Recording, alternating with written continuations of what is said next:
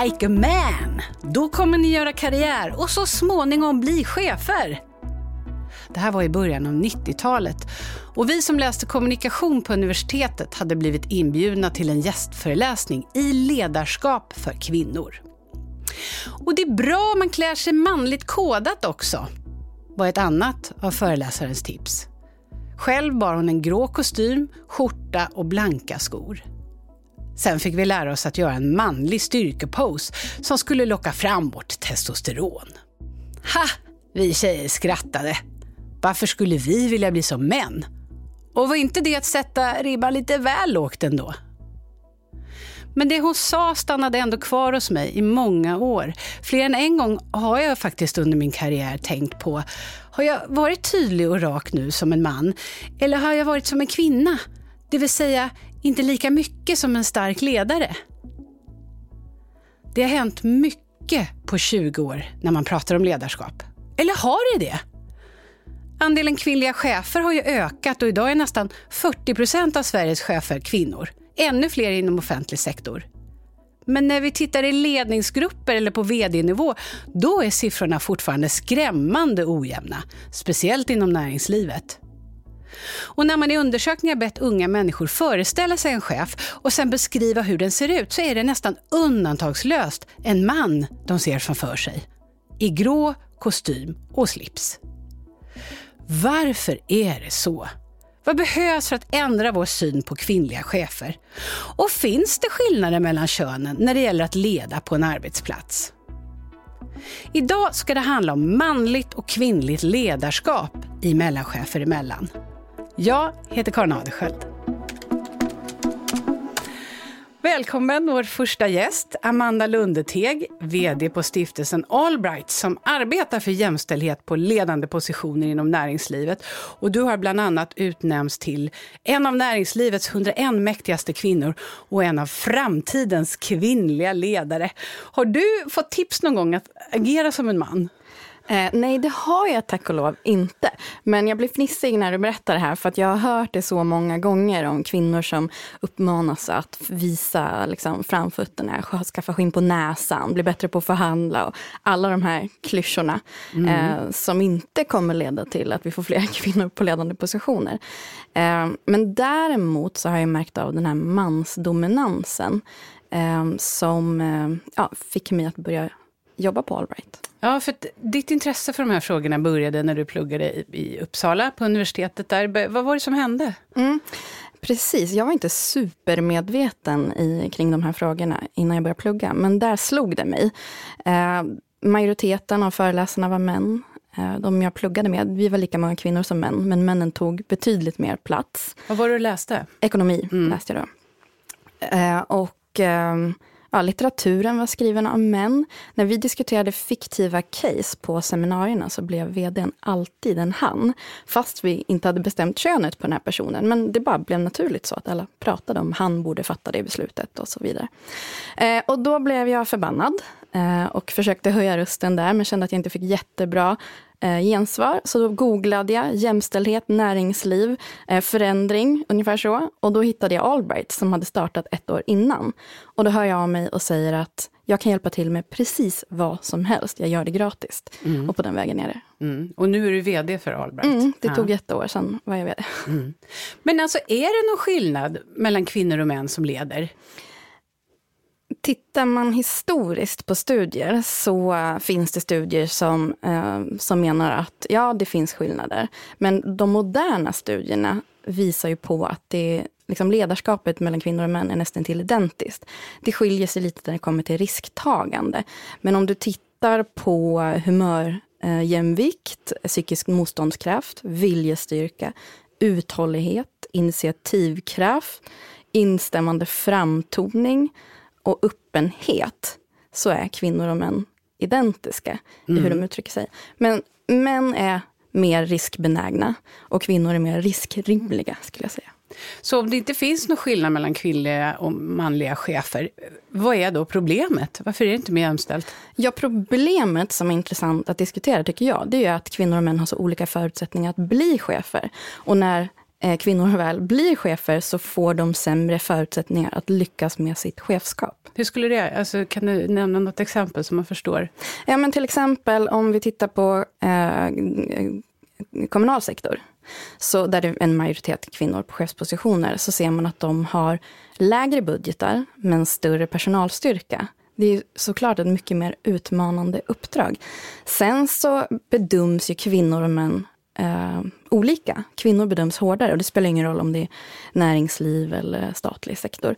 Eh, och det finns flera studier som visar på det här, att mm. unga tenderar att bedöma kvinnor hårdare mm. också. Mm. Hur kommer det sig då? Um, ja, men det handlar ju om gamla uh, normer och stereotyper, seglivade strukturer som är svåra att tvätta bort, som ligger väldigt djupt rotade i oss. Uh, som kommer att ta tid att förändra, men man måste ju bli medveten om att det är så här, att det ser ut som här och att vi alla bär på de här fördomarna.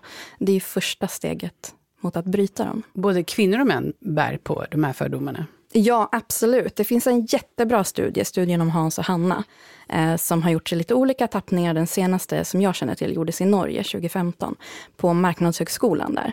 Och det här är jätteintressant, för det man har gjort då, det är att man berättar om karriärist för en grupp studenter. Eh, och hälften av studenterna får höra om den här karriäristen som Hans, och andra halvan får höra om karriäristen som Hanna. Och sen får studenterna bedöma Hans-Hanna utifrån ett gäng parametrar. Och en sån parameter är liksom, gillar du Hans-Hanna? Och då blir det så tydligt att studenterna som läser om Hans, eh, en större andel gillar honom än andelen som läser om Hanna. Så att Hanna bedöms hårdare. Det, och det är flera saker. Man vill hellre ta en öl med Hans efter jobbet. Eh, man tycker att Hanna är liksom bossig i sin framtoning, att hon fattar beslut utan att ha fog för det. Och man ska komma ihåg att den här berättelsen om karriäristen är identisk. Det enda som skiljer något är namnet. Mm. Nu så ska vi få träffa Tarja Elmberg. Hon är chefscoach. Och det blev hon efter att hon har sett för många exempel på att just kvinnor inte har samma förutsättningar för att bli ledare. Och vi ska höra ett exempel just då Tarja fick syn på en företagskultur där kvinnor förväntades sköta den så kallade markservicen. Jo, min, eh, min roll eh, på den tiden var att eh, jag hade gått in som TF på mellanchefsnivå i den organisationen som jag jobbade i då. Och vi var inbjudna till ett seminarium på ett mellanstort IT-företag, väletablerat i Göteborg och jag hade med mig fyra kollegor Klockan nio på morgonen kliver de in i IT-företagets pampiga lokaler i centrala Göteborg. De tillhör ett fåtal kvinnor på tillställningen.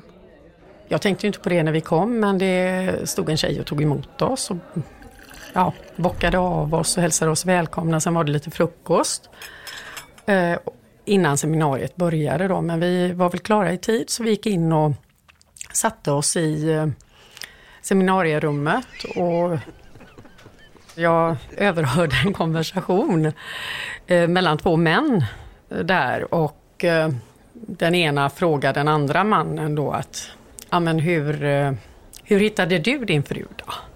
Liksom. Nej, jag såg henne på en segeltävling och så sa jag bara, henne ska jag ha. Ja, tänkte jag, det lät ju lite grabbigt. det där, men funderade inte så mycket på det sedan. Eh, och ja, sen så ja, efter fem minuter så skulle ju eh, seminariet börja. Och då visade det sig att mannen som hade stått jämte mig, han var VD för det här bolaget. För han hälsade oss välkomna. VDn presenterar företagets konsulter som finns där för att svara på frågor.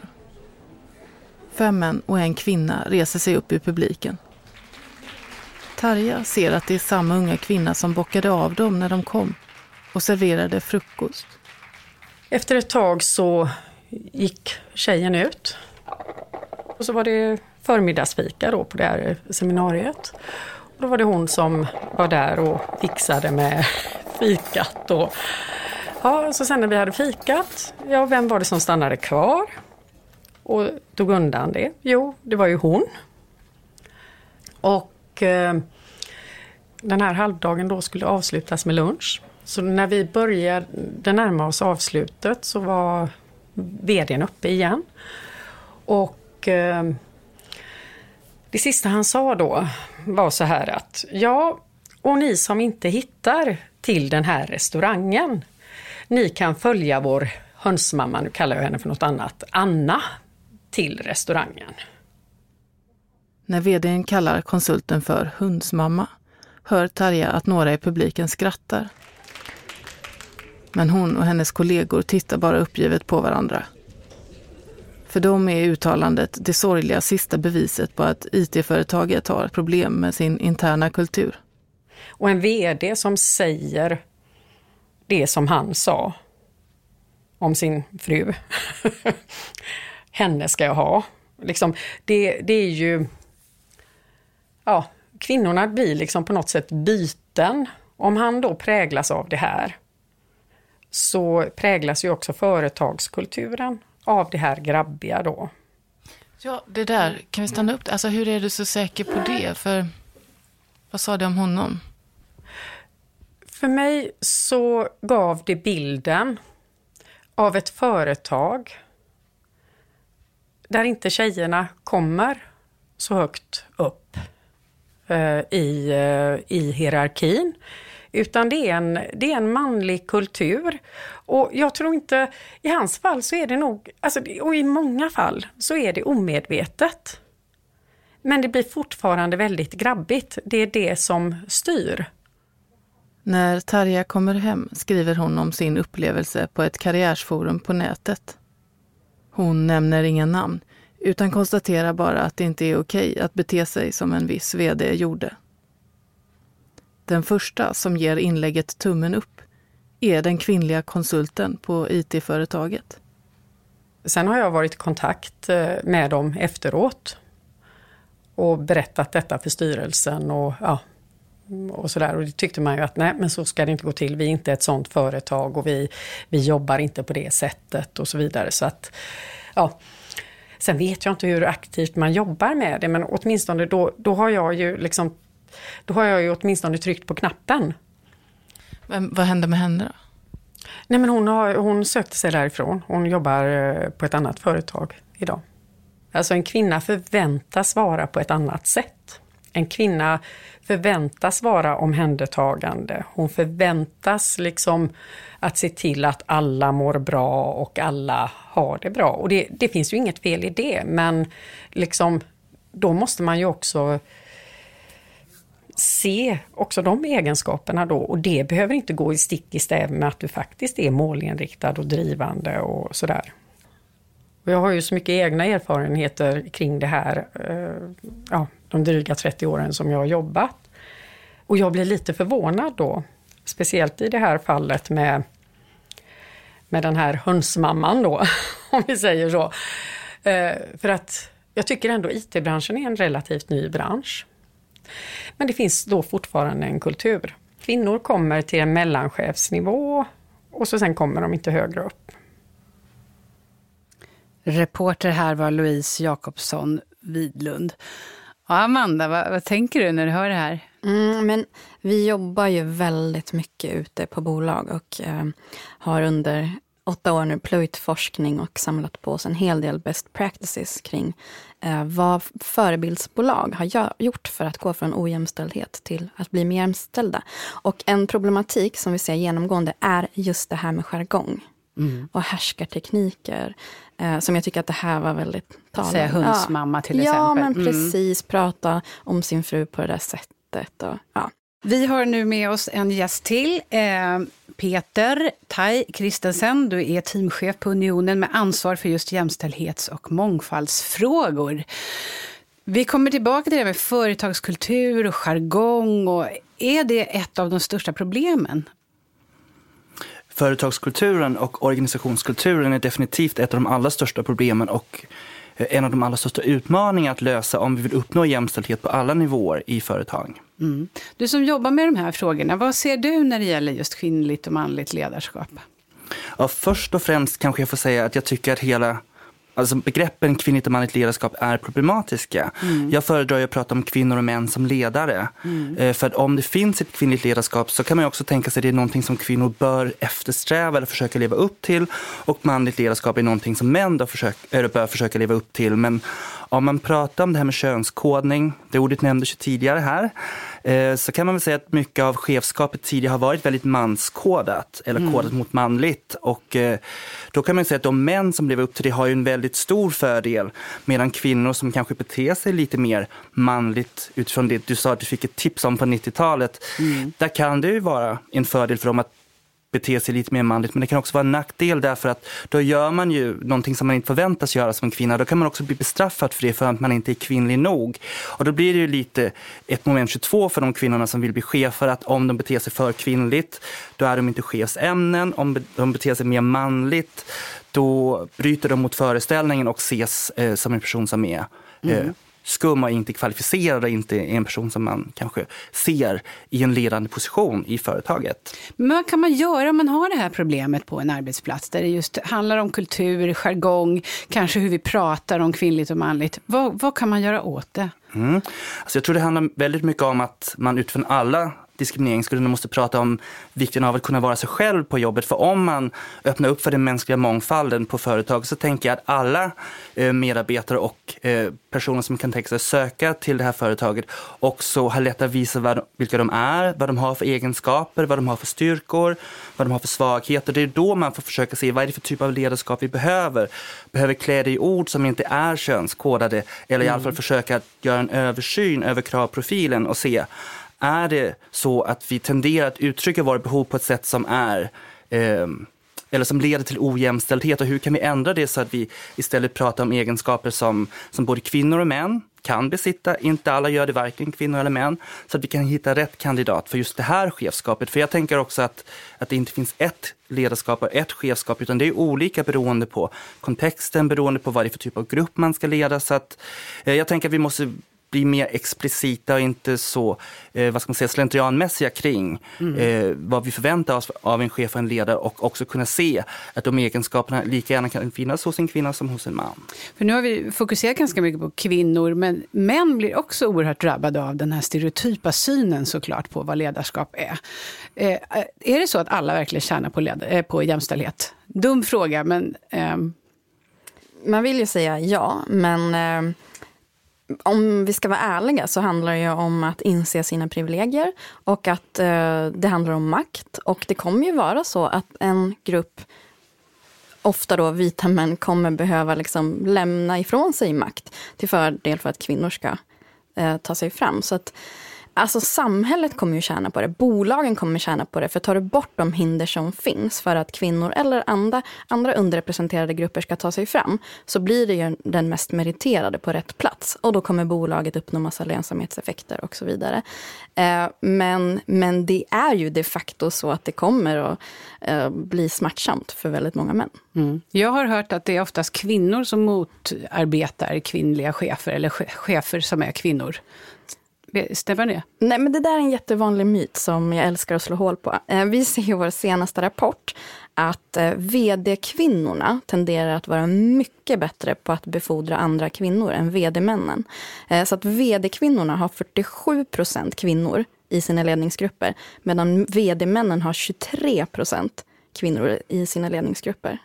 Och vd-kvinnorna tenderar också att ha kvinnor i, på de här linjepositionerna där du ofta har tungt affärsområdesansvar. Och de har då 47 procent kvinnor även på linjepositionerna, medan männen har 11 procent. Mm. Jättestora skillnader. Mm. Så att kvinnor är ju bra på att fiska ur båda kompetenspoolerna, mm. eh, till skillnad från männen. Då. Men som vi hör så, så, handlar det om att prata om det här på ett annat sätt kanske. Man skulle kunna säga att vårt, vårt namn på det här avsnittet faktiskt är lite fel på ett sätt, vilket är bra för då kunde vi diskutera det. En man eller en kvinna som är chef. Men det är ju så att vi alla har ett ansvar oavsett vilken plats vi är på att prata om de här sakerna. Och framförallt om man är chef. Ehm, det är ju så här att eh, som chef så har du ytterligare ett ansvar att inte särbehandla någon av dina anställda utifrån kön såklart. Men det är ju inte alltid så lätt att agera rätt liksom, i situationen. Och i varje podd så har vi ett dilemma som vår chefsgäst ska bli utsatt för genom att skådespelerskan Amanda Oms spelar en anställd som har ett problem. Och Amanda, nu är det du som ska få vara chef här till en anställd som alldeles strax kommer in. Amanda mot Amanda. Amanda mot Amanda. Och du ska få förutsättningarna här, så häng med. Ja. Du är vd Eh, en man som har jobbat länge med dig och som du har ett otroligt stort förtroende för har du precis utsett till vice vd. Eh, och då bad han, han sa såklart ja tack, och så bad han att få ta med sig den person som arbetar närmast under honom upp ett snäpp och låta henne ta över en stor del av hans tidigare ansvarsområden. Och det här är en kvinna som du är väldigt nöjd med och har stort förtroende för och som är jätteviktigt för ditt företag.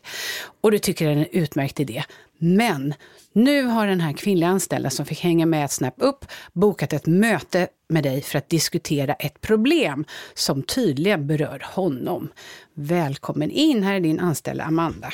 Amanda. Hej. Hej.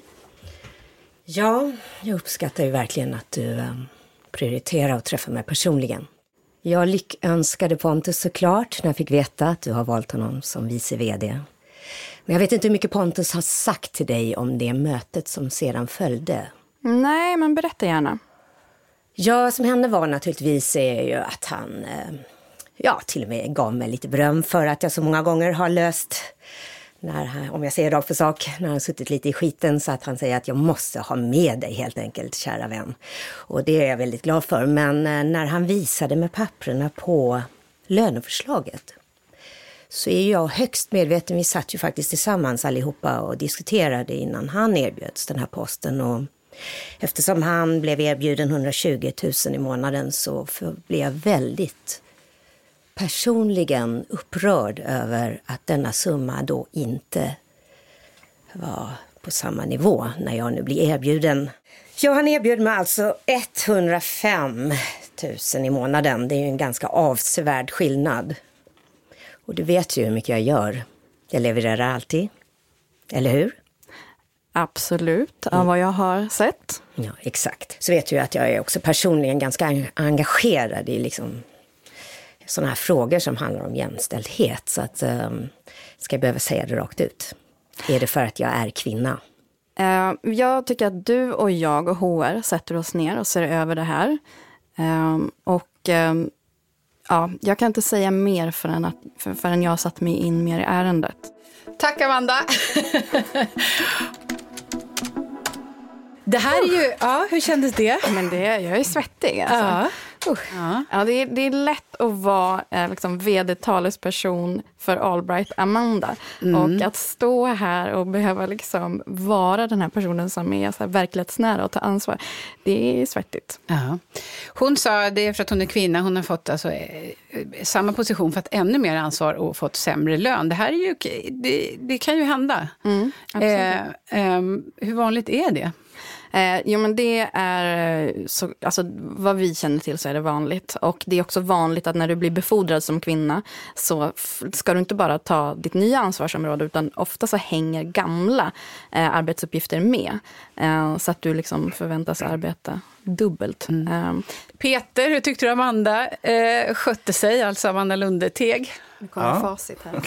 Nej, men jag tyckte att du hanterade föredömligt. Jag, det är svårt för mig att recensera såklart, men jag tyckte att du höll dig lugn och ställde frågor. När hon frågade om du var intresserad av att veta mer så bekräftade du henne i att du ville veta mer. Och, eh, jag tänker också det är väldigt svårt om man inte har all information att ta ställning. Liksom. Mm. Um, I just situationen så jag tyckte också det var bra att, uh, att du berättade att du skulle återkomma och undersöka saken mer. Så att, ja. Kan det bli så att man skyller på att det här har med att göra att jag är kvinna när det finns andra saker som det egentligen gäller? Det är väl klart att jag utgår ifrån att det finns lönesättande kriterier på det här företaget. Att man får gå tillbaka och säkerställa att, att den lön som erbjöds till den här medarbetaren också överensstämmer med eh, de kriterierna så att man inte har begått ett misstag eller liksom bara erbjuder det man tror att man kan få medarbetarna att tacka ja till. Mm. Eh, ibland så måste man ju erbjuda mer än vad någon begär för att man ska få en jämställd lönestruktur. Mm. Eh, så där är det viktigt att det finns den här transparensen, att det finns tydliga kriterier för lönesättningen. Men hur ska man tänka då som chef för att komma till rätta med problemen med att vi fortfarande inte har fler kvinnor som avancerar eh, inom inom chefsyrket eller till chef, att det finns en kultur på företag ibland som inte är fördelaktigt, att vi har en viss jargong. Hur kan man som chef jobba mot det? Ja, men det handlar väl mycket om att jobba just med att prata om det, för man kan säga att om kön inte ska spela roll, varken när man rekryterar, när man sätter löner och så, så är ju lösningen inte att sluta prata om kön, utan lösningen är ju tvärtom att man ska prata om kön hela tiden, man ska eh, liksom tvärskåda i princip allt som finns på företaget, både det formella och det informella och säkerställa att om det inte är fullt ut jämställt idag, att man då vidtar åtgärder för att komma från ett ojämställt läge till ett jämställt läge. Mm. Kan man få hjälp där med det eller hur liksom hittar man hur man gör? För det är ju inte lätt om man inte har gjort det innan. Nej, och jag tänker också att det är viktigt att både prata om beteende och attityder. Så det är klart att man ska jobba med att förändra attityder som inte är jämställda. Men det är också ett arbete som tar väldigt lång tid. Så om vi skulle liksom på, påbörja ett väldigt stort påverkansarbete för att få människor att tänka annorlunda så skulle vi säkert nå fram så småningom. Men jag tänker att vi också måste komplettera med ett väldigt praktiskt arbete som handlar om att faktiskt göra annorlunda. Alla behöver inte förstå varför de ska göra någonting annorlunda imorgon än vad de gör idag. Men om de börjar agera på det sättet så kommer det också leda till förändring. Sen kan insikten om varför det är viktigt komma senare. Mm. Amanda, man lyssnar nu och är chef. Eh, vad är dina tips? Vad bör man tänka på? Ja, men jag kan bara instämma där. Det handlar ju dels om att sätta jättetydliga mål. Eh, det blir startskottet. Men sen har vi sett att bolag som sätter tydliga mål, till exempel vi ska ha minst 50% kvinnor på chefsnivå, eh, tappar ju inte sällan kvinnor på grund av att de inte har en schysst kultur på plats. Så det handlar jättemycket om att eh, få kunskap om det här med unconscious bias, dolda fördomar som vi alla bär på. Att, att stanna upp och ha de glasögonen på sig. Ja, men ger vi den här kvinnan förutsättningar för att faktiskt bli en bra chef? Eh, utjämnar eh, vi löneskillnaden här? Att själv liksom ta ansvar för det och inte lägga problematiken på kvinnorna. Nej, just det. Och eh, sista tips bara, eh, om man känner sig ensam i sitt jämställdhetsarbete som chef, eh, det tror jag att många ändå kan göra. Var, var, kan, man hitta, kan man hitta gemenskap någonstans? Vad gör man? Eh, ja, absolut. Nu finns det ju väldigt många så bra nätverk som, med så kvinnor som stöttar varandra. Eh, och eh, jag tror på organisering jättemycket. Det är inte, absolut inte kvinnliga nätverk och liksom kvinnoprogram som ska lösa den här problematiken. Men att liksom ha systrar som man kan organisera sig med och driva saker framåt med, det tror jag starkt på. Mm. Peter? Ja, men jag är väl lite inne på samma sak. Man ska inte underskatta betydelsen av nätverk. Jag tycker man kan efterfråga en mentor också eh, alltså fråga sin närmsta chef om man kan få ha en mentor där man kan diskutera de här frågorna och eh, lyfta de svårigheter, de utmaningar man möter i vardagen eh, och försöka hitta konkreta lösningar. Så både nätverk men också mentorskap mm. tror jag mycket på. Sen fick jag ett tips faktiskt från eh, eh, Anna Kinberg Batra som sa som kvinna i ledande position ska man aldrig någonsin servera fika. jag vet inte, det var mitt lilla tips då. Ja, men det kanske hänger ihop det med mm. reportaget vi lyssnade på, att man lätt blir en hönsmamma och blir liksom inte sedd som en chef på det sättet om man har med sig hembakt. Jag vet inte, vad säger ni? Alltså, jag tänker att det borde vara fler män som tar med sig hembakt. Det tycker jag också. Tack snälla för att ni kom. Och vad säger ni som lyssnar nu? Väckte det här tankar hos er? Har ni frågor eller erfarenheter som ni vill dela med er av? Vi tar jättegärna emot fler frågor på ämnet, så ställ dem till oss på Instagramkontot mellanchefer understreck emellan eller på poddens hemsida som är unionen.se mellanchefer bindestreck emellan. Och svaren de publicerar vi på samma plats så kom ihåg att gå in och titta där sen. Reporter idag var Louise Jakobsson Widlund, tekniker Christer Orreteg, producent Blenda Zettervall Klingert. Jag heter Karin Adelsköld och produktionen Mellanchefer emellan görs av Filt Hinterland för Unionen. Vi hörs!